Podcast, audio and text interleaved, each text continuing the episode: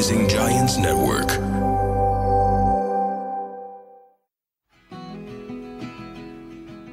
يا أهلا وسهلا بكم بحلقة جديدة في لحظة مع ميس واليوم الحلقة شوي راح تهزكم.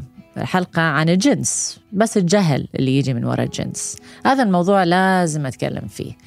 يا ما سمعت قصص ويا ما واصلة قصص ويا ما أنتم سامعين قصص بقضية شرف والبنت اللي ذابحيها بسبب الشرف والمشاكل اللي تصير بسبب الجنس أو البنت العذراء ولا المش عذراء ولا ما يعرفون إذا عذراء يعني هذه المشاكل صايرة هل أنا راح أتكلم عن الجنس اليوم؟ لا حتكلم عن قصة بنت واجهت مشكلة بسبب جهل الآخرين شنو صار وياها؟ اسمعوا القصة حتى أعطيكم الحل للموضوع وبالأخص نحط وعي لهذا الموضوع للناس اللي دا تواجه هذه المشكلة وقناعاتهم هذه اللي لازم تتغير بسبب شغلة واحدة سوء العلم أو قلة العلم والوعي عن موضوع الجنس. فاسمعوا القصة. في بنت مثل معظم البنات حلم حياتها إنها تلبس الفستان الأبيض وتتزوج وتسوي عرس. حبت شخص كان شريك حياتها مثل ما وصفته. بست فريند كل شيء متفاهمين. ما في أي مشاكل. فترة الخطوبة عسل ومتفاهمين مع بعض وكله تمام وسووا عرس وفرحانين ببعض ودخلوا في ليلة الدخلة. وهنا حصلت المصيبة.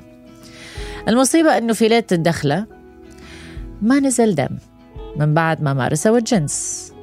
ممكن هذا يعني اعذروني إنه أنا دا أتكلم بموضوع مفتوح أعتذر مرة ثانية ولكن هذا الموضوع شيء طبيعي يصير عند الأزواج في ليلة الدخلة وهذا اللي صار وياها. البنت عذراء ولكن ما نزل منها دم الجهل, الجهل اللي راح أسميه جاهل لأنه هو جاهل أكيد آه، طليقها اللي صار الحين اللي هو زوجها بوقتها. انجن إنه انت كذابة وانت مو عذراء وين شرفك وين ما أدري شو. والبنت جربت تقنع تقنع تقنع إنه هي عذراء وقالت له خليني بس أروح للدكتور. حتى أثبت لك من تقرير الدكتور إن أنا عذراء. طبعا هو فضحها بالمنطقة وفضحها عند أهلها وفضحها عند العالم كله. وتعرفون أنه الفضيحة بهذا الموضوع مصيبة. البنت فعلا راحت عند الدكتورة وجابت عدة تقارير تثبت أن هي ما زالت عذراء. ولكن ما صدقها. رغم أن الدكاترة أثبتوا هذا الشيء ما صدقها. ليش؟ لأنه ما شاف دم. المصيبة الأكبر أنه إخوانها عندها أخين. لما عرفوا بالخبر نزلوا فيها ضرب لحد ما شوهوها ودموها. ورادوا يذبحوها لأن بالنسبة لهم هذه قضية شرف وانت ما المفروض تكونين عايشة لأنه انت مو عذراء رغم إنه هي عذراء. أرجع عيد وأكرر هي عذراء. والدكاترة قالوا عذراء. بس شو؟ ما شافوا الدم. الوصلة هذه اللي من عادات تقاليد اللي يحطوها برا ويزفوها اللي أي أحد ممكن يذب شوية خصلة كاتشب عليها حتى تفرحون ترتاحون نفسيا ما بها دم. طب يا جماعة الخير هذه البنت تعرفون وين صارت؟ هاجرت البلد اللي هي ساكنة فيه واضطرت تروح لإسبانيا لوحدها واليوم بعث رسالة كاتبة فيها إنه أنا حتى إيماني برب العالمين مو قادرة أصلي وخف. لأنه ليش أنا أصلي إذا واصل مرحلة إنه الله خلى كل هالناس تعذبني بهذه الطريقة وأنا ما سويت شيء غلط. وشرفي ما زال موجود وأنا عذراء ولكن كلهم يعاملوني بهذه الطريقة. فأرجوك ساعديني. كيف أرجع هذه الثقة بنفسي؟ لأنه أنا سمعتي راحت اتدهورت ما أقدر أرجع لبلدي وما أعرف شنو أسوي وإيماني راح.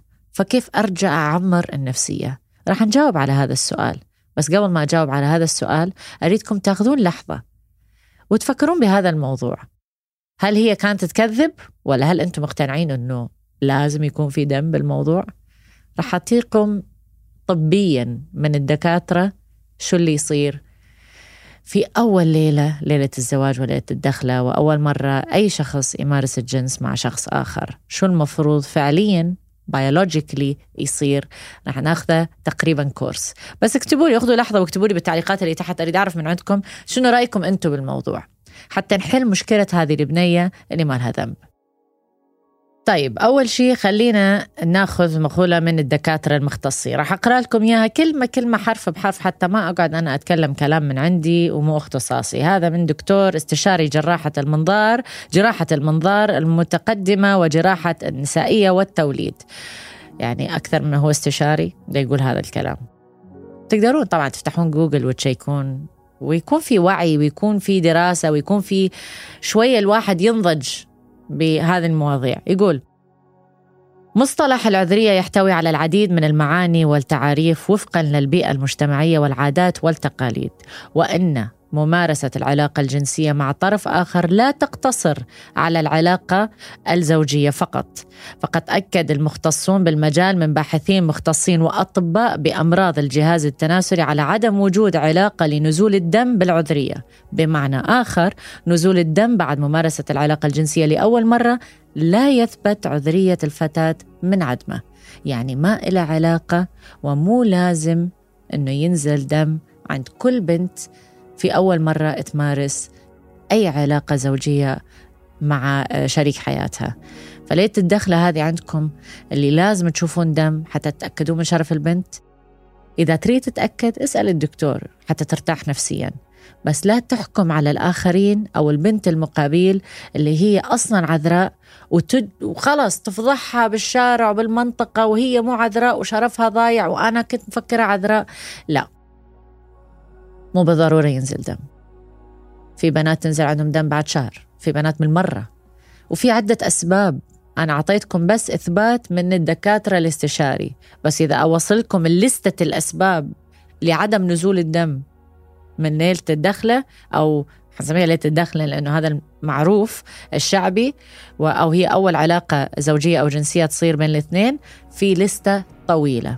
فأتمنى لكل الرجال بكل المناطق وكل العيل اللي دا تسبب جريمة قتل بسبب هذا الموضوع وبسبب الجهل وعدم الدراسة اللي دا يشوفوها. جوجل موجود يا جماعة الخير الدكاترة موجودين.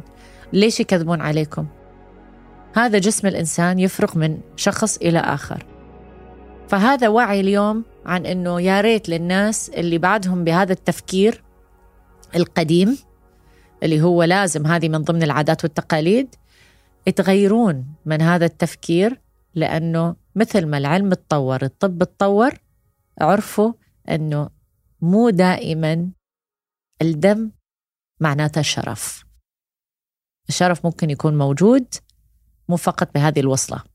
هذه النقطة من أهم النقاط اللي أتكلم فيها قبل ما أعطيه حل لهذه البنت المسكينة اللي هاجرت وصارت لوحدها ببلد وضاع إيمانها من رب العالمين وما تعرف شو تسوي.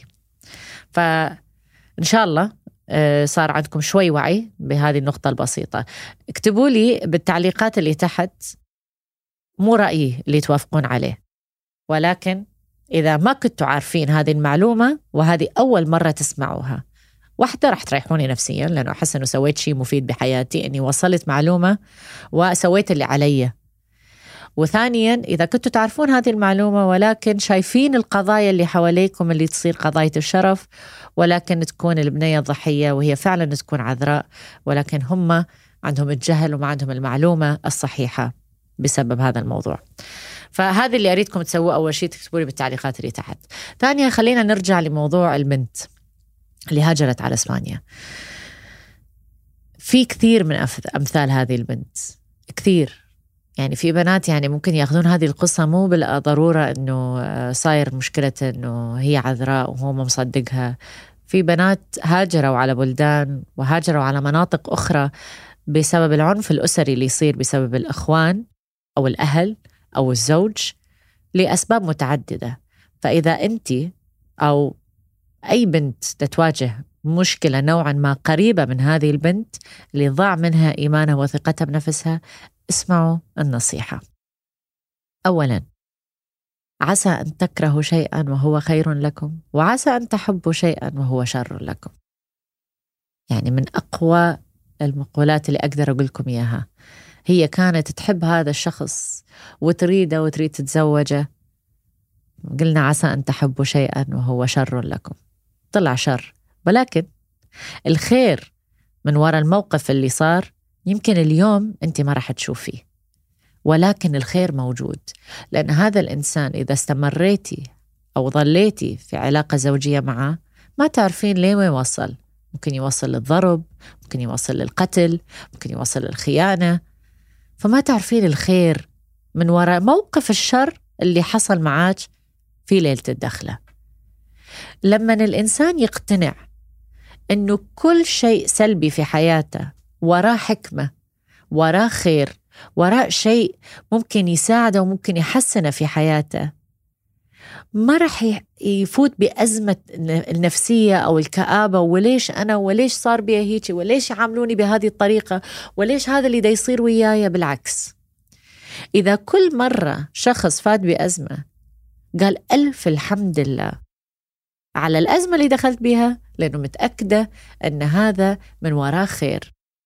والشر اللي حصل وقفني من المأساة اللي ممكن تصير. دخلني إلى مسار جديد حتى أطور من نفسي أو حتى الأمور تتحسن بحياتي. ولولا صارت هذه الأزمة الكبيرة يمكن ما أترك هذه العلاقة. كم بنت فيكم تشوف هذا البودكاست؟ وشباب بعد. كنتوا داخلين بعلاقة حب مع بنت أو رجل. وفجأة هذه العلاقة الشخص المقابل يا خان يا كتل يا ضرب سوى أزمة جدا كبيرة بحيث انجبرتوا أن تتركون هذا الإنسان انجبرتوا تتركوه. ولو ما صارت هذه الأزمة ما كنتوا تركتوا هذا الإنسان لأنه الحب أعمى. فتنعمي فيه بسلبياته حتى لو ضرب ما يخالف مو مشكلة أنا أحبه ما يخالف مو مشكلة أريد أضل معاه. فأحيانا الحياة تجبر الإنسان أنه يترك المقابل بطريقة واحدة هي طريقة الأزمة. ولما تترك هذا الإنسان يجي الخير من بعده. فيا حبيبتي يا بنتي حتى لو أنت في بلد جديد ابدأي صفحة جديدة أسسي حياة جديدة. الناس اللي حواليك بيني لهم الصفاء اللي بيك. عسى أن تكرهوا شيئا وهو خير لكم. في خير من وراه بس أريدك تفتحين المجال حتى تشوفين الخير اللي بالدنيا وتتركين المصيبة هذه اللي من تعتبر مصيبة اللي صارت وتدبيها وراك. أما بالنسبة لأخوك ولأهلك إذا الأخ ما وصل لمرحلة يعني واصل لمرحلة أنه يقدر يسوي الأذية هذه لأخته ولو إحنا دائما نقول صلة الرحم صلة الرحم صلة الرحم بس مو بإيدك أنت تسوين شيء لأنه هم اللي قطعوا صلة الرحم. مش أنت اللي قطعتي وفي يوم ما الدنيا حتلف وتدور ممكن الله يهديهم وترجع صلة الرحم ويرجعون يعتذرون على الجهل اللي كانوا فيه. الواحد ما يقدر يحاسب شخص جاهل. رغم إنه إحنا كنا مسوي كنت مسويت لكم حلقة إنه القانون لا يحمي المغفلين. تذكرون؟ بس أريدش انت لا تحاسبين ما دا اقولش تحمين. لا تحاسبين المغفل. اللي ما يعرف ما يعرف. وإذا ما يريد يتعلم هاي مشكلته. بس مش مشكلتك أنت. فبما إنه أخذتي الخطوة ورحتي لبلد جديد افتحي صفحة جديدة. ولما تريدين تصلين تذكري إنه الأزمة اللي صارت بيك صارت حتى تفتح لك أبواب الخير. فرب العالمين بالنهاية ما راح يدز الأهل والناس وفضيحتك بقلاقل مش حاطك أنت شخصيا براسة يعني. ولا أنت اللي تشوفين الفيديو براسة ولا أنت. إذا أنتم مفكرين إنه يعني الله سبحانه وتعالى حاطكم أنت براسة وما عنده لا شغلة ولا عملة الا أنا أريد أسوي فضيحة بقلاقل لهذا الإنسان بس لا. لا. لازم تاخذون هذه اللحظة وتقوون إيمانكم ويا كل أزمة تدخلون بيها. شنو مكان دينك؟ مسيحي مسلم بوذي درزي I don't care. الإيمان إيمان. أن الواحد يآمن بقوة كبرى. هي الإيمان أنا هوب يعني حتى لابسته قلادة. أقوى شيء ممكن يكون عندكم هو الإيمان. الإيمان إنه الدنيا بخير الإيمان إنه أنت بخير أو أنت بخير. فحتى تغيرين من نفسيتك وتقوين من شخصيتك ومظهرك وتفكيرك. أول شيء تغيرين منظورك لهذه المشكلة بهاي الطريقة اللي ذكرتها. أن تشوفين أنه لا هذا الموضوع أكيد في خير من وراه. خلاص أتركه اي let it go. وأركز على مستقبلي. هذه أول خطوة. ثاني خطوة أنه الشخص هذا اللي بداخلك اللي هو نفسك بالراحة عليه. إذا انت ما تقبلين إنه تأذين الحبايب إذا أنت ما تقبلين أنه تجرحين الناس بكلمة ليش تجرحين نفسك بكلامك؟ الناس تجرح أنفسهم بكلامهم أنه أنا آه، طلعت آه، ما عندي شرف ومو شريفة طلعت هذه الناس تكرهني أنا أنا أنا. طب ليش الأذية؟ ليش أذية النفس؟ بالعكس أنا حلوة أنا مثقفة أنا واثقة. كوني رقيقة مع نفسك. كوني جيدة مع النفس. تكلموا بطريقة جيدة مع النفس. لأن النفس هي اللي معاكم طول الوقت. مش الأصدقاء مش الحبايب مش الأهل. فإذا أنت راح تكون المتنمر على نفسك بعدين تشتكي وتقول أنا ليش زعلان؟ ما إذا من الصبح لليل وأنت بدها تتنمر على نفسك وتسأل نفسك ليش زعلان؟ لا تتنمر على نفسك. بي كايند كون لطيف مع النفس. هذه الطرق اللي الواحد يقدر يتخلص من شو ما كان الأزمة اللي مر بحياته. إذا انفصلت أي علاقة علاقة عمل علاقة زوجية علاقة الأهل ابتسم وقول الحمد لله وعسى أن تكرهوا شيئا وهو خير لكم. وامشي. مو فورورد وبهاي الطريقة مو بس هذه القصة بس هذه القصة ممكن أنتم تاخذوها بأزمة بحياتكم مريتوا بيها. النصيحة تطبق بنفس الطريقة. فأريدكم تطبقوها وإن شاء الله هذه البنت تقدر تسمع الفيديو أو الصوت مع اللحظة مع ميسو.